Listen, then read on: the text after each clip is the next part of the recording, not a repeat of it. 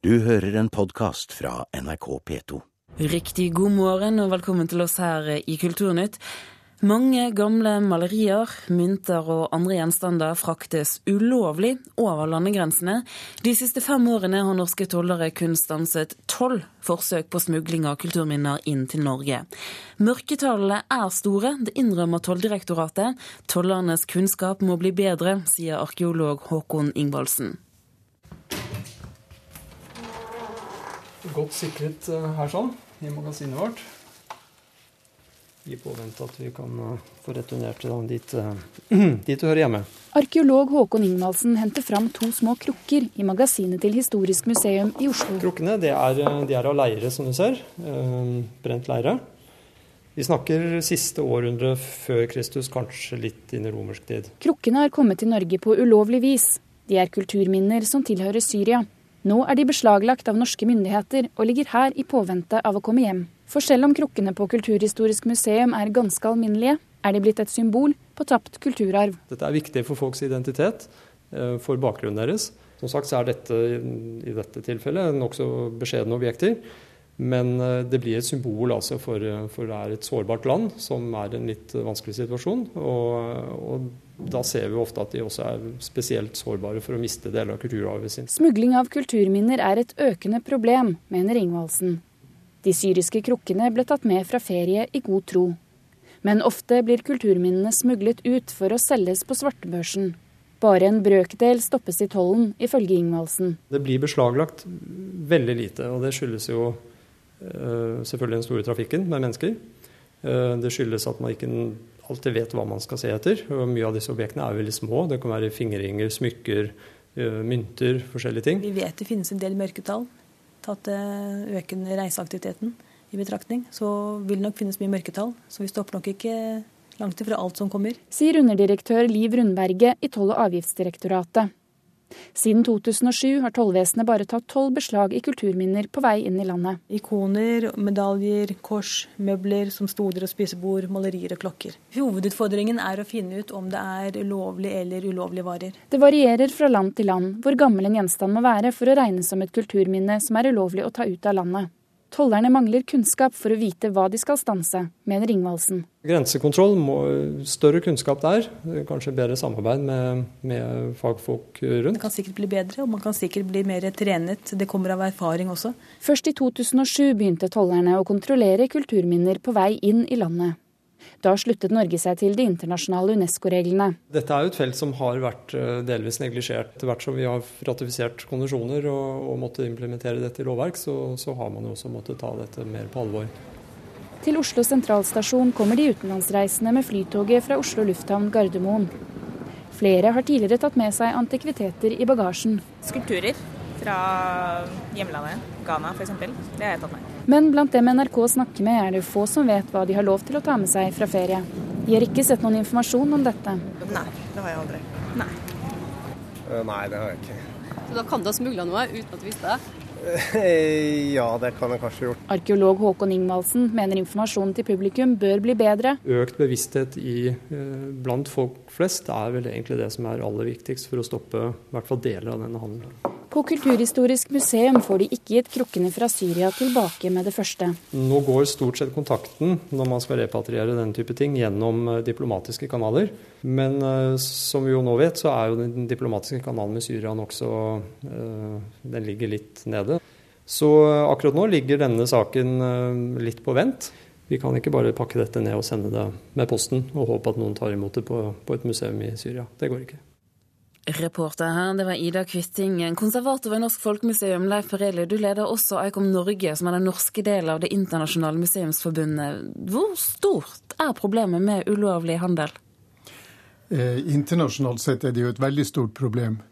Og man sier jo ofte at uh, ulovlig handel med kulturarv er helt der oppe i, i toppen sammen med ulovlig våpenhandel, eh, narkotikasmugling og, og andre typer illegal kriminalitet. Så i internasjonal sammenheng er det et stort problem. Går det an å si noe om hva slags summer det eventuelt er snakk om? Nei, Det vil jeg ikke forsøke meg på, men det er store summer. Hvor er problemet størst? Eh, plyndring av kulturarv det skjer jo først og fremst i land der lov og orden har brutt ned. Og det har jo ofte skjedd i forbindelse med krigssituasjoner.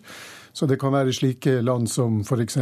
Irak og Afghanistan. Skjer mye eh, plyndring fra de områdene. Men det foregår også plyndring av kulturarv i land hvor det ikke er noen krig, slik som Italia, for å nevne ett eksempel.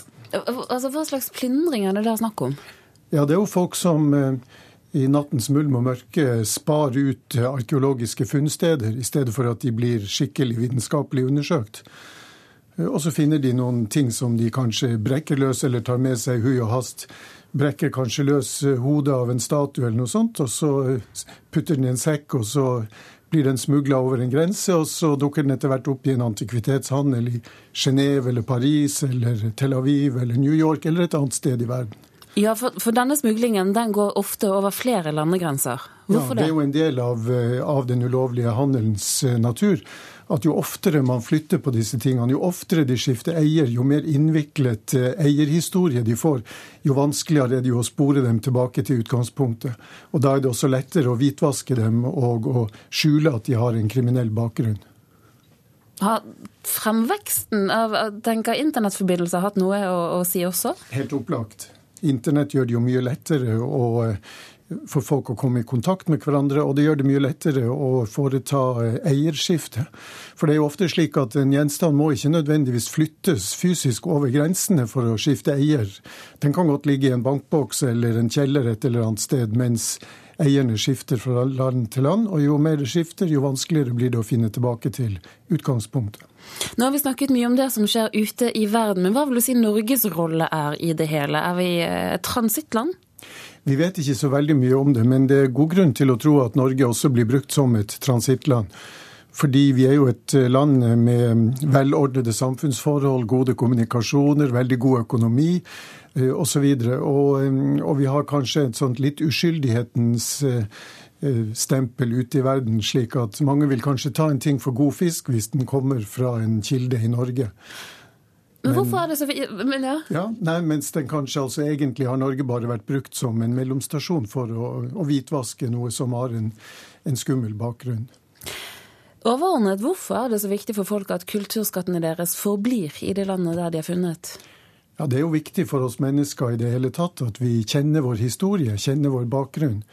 Og det gjelder jo både på det lokale plan og man kan si nasjonalt sett. Og, og også internasjonalt sett. At uh, kulturskatt er i varierende grad kan man si, hele menneskehetens eiendom, men den angår jo mest de menneskene som bor der hvor tingene har vært i utgangspunktet. Sånn er det jo i Norge, og sånn er det overalt i verden. Leif Pareli, takk for at du var med oss her i Kulturnytt. Pengestøtten til arbeiderbevegelsens arkiv og bibliotek er doblet etter at Arbeiderpartiet overtok Kulturdepartementet. Partiet eier arkivet sammen med LO, og Kristelig Folkeparti er skeptiske og mener at kulturminister Anniken Huitfeldt har en dobbeltrolle. Jusprofessor Jan Fridtjof Bernt sier til VG at hun burde bedt Justisdepartementets lovavdeling om å vurdere habiliteten i denne saken. Nett-TV-tjenesten Netflix lanseres trolig i Norge til høsten. Den amerikanske streamingsiden tilbyr filmer og TV-serier. Tidligere i år viste Netflix TV-serien Lillyhammer for amerikanske seere. De har også gått inn som produsent av oppfølgeren sammen med NRK. Netflix kan bli en hard konkurrent til norske kommersielle TV-kanaler, men TV 2 sier til Dagens Næringsliv at de er forberedt på konkurranse også på nett.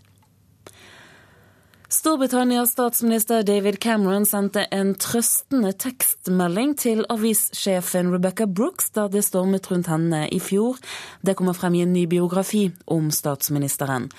Rebecca Brooks gikk av som sjef for tabloidavisen News of the World etter at avlyttingsskandalen i avisen ble kjent. Vennskapet mellom henne og David Cameron har siden vært en utfordring for regjeringen.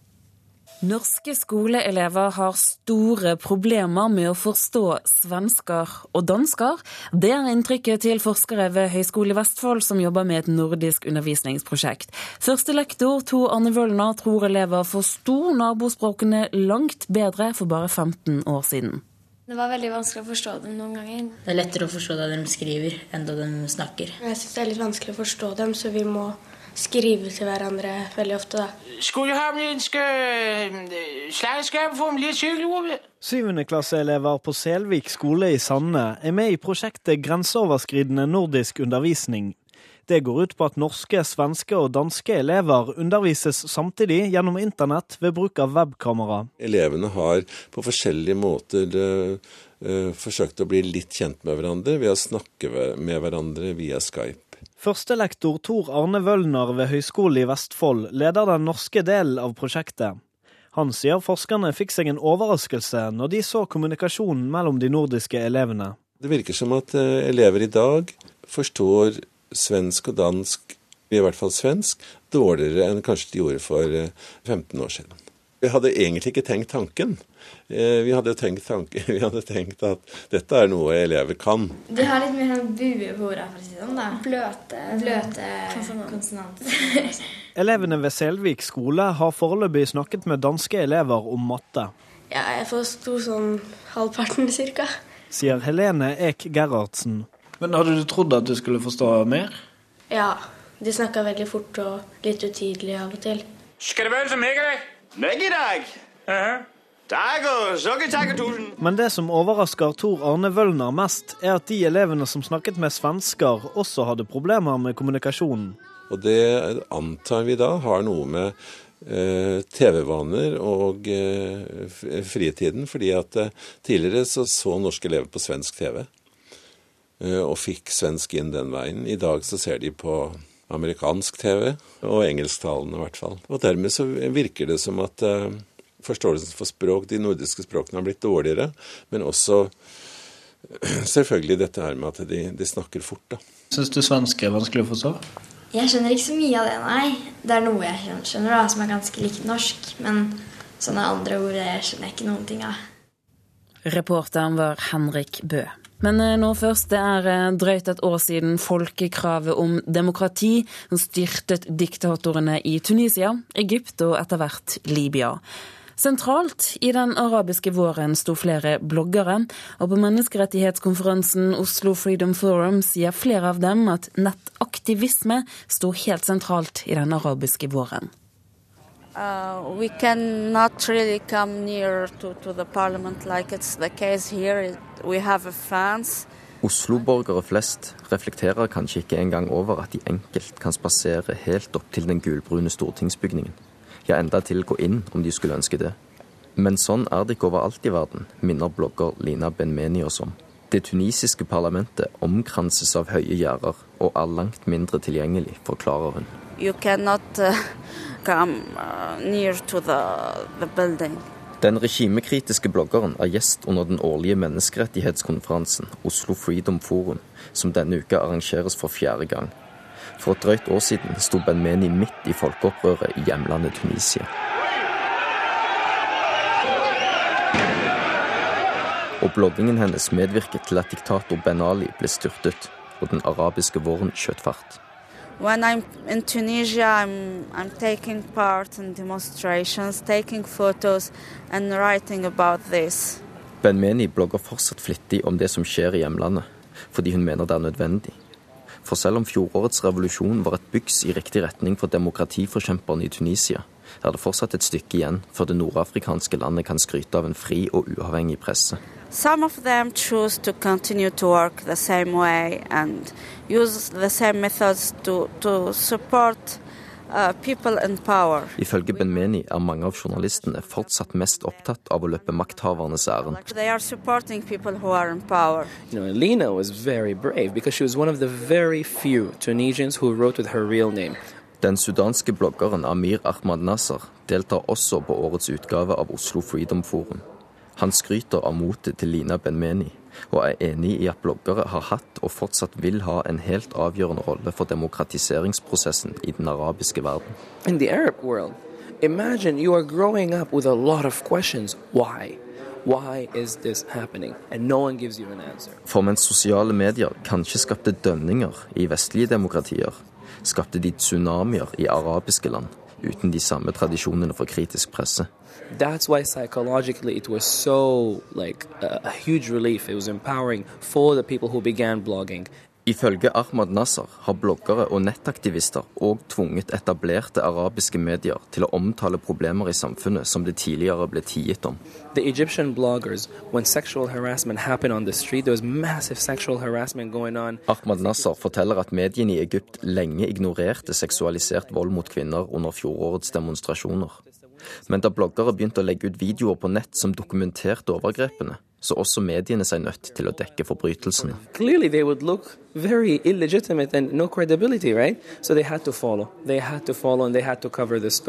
I går deltok både Ben Meni og Ahmad Nasser i en diskusjon på Oslo Freedom Forum, der temaet var den arabiske våren og veien videre.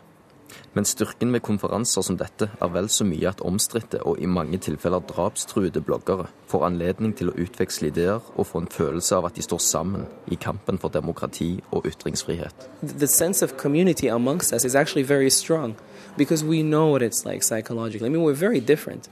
But when, when you have something shared as core, as a, a value that you're willing to take risks for, the bond that forms is it's, it's ridiculous. You cannot even describe it. Reporter her var Dario Kverme Birvane. Amerikaneren David Vann gjorde det sterkt med sin novellesamling 'Legender om et selvmord' da den kom i 2011. Nå er oppfølgeren her, og spørsmålet er da om romanen 'Caribou Island' er like sterk. Leif Ekle har lest og gjort seg opp en mening. Da jeg satte meg ned for å skrive denne anmeldelsen av Caribou Island, tok jeg fram den jeg skrev i fjor om David Vans første bok på norsk, 'Legender om et selvmord'. Det var nesten så jeg angret. Hva kunne jeg si om Caribou Island som jeg ikke allerede sa for litt mer enn et år siden? Tungt, dystert, men også vakkert, for eksempel. Frustrasjonen gikk fort over. Caribou Island lever sitt eget liv, sterkest kanskje i tøyingen av den realistiske stilen Van benytter seg av. Den han på ingen måte forlater her, men tillater seg å provosere. I det han, for eksempel, lar det drømte ta plass i teksten, og ta ansvar for noe av den skjebnetunge logikken som driver denne tragedien framover. For dette er en tragedie. Det blir klart allerede tidlig, idet vi forstår at også i denne boka ligger et selvmord og ruger over romanens forløp. Irene, den noen og 50 år gamle kvinnen og viktigste bæreren av fortellingen, kom en dag som tiåring hjem og fant moren sin. Den opplevelsen, det hun husker og ikke husker, har hun båret med seg fra California til Alaska og gjennom 30 år der, sammen med ektemannen Gary og etter hvert to barn, og et liv som nærmer seg det fortapte. I likhet med novellesamlingen fra i fjor, og særlig den lange novellen Sokwan Island, bygger Caribou Island opp en stemning av noe uunngåelig, noe truende. Dette kan ikke gå bra. I denne nye boka skyldes det mest alt som har gått galt i forholdet mellom Gary og Irene. Bitterheten, angeren over valgene som ble gjort for lenge siden og ikke kan gjøres om. Et sted sier Irene til seg selv, du kan velge hvem du vil være sammen med, men det er ikke opp til deg hva de blir til. Det tar en stund før Caribou Island vokser seg innpå leseren på samme insisterende måte som forgjengeren men det skjer.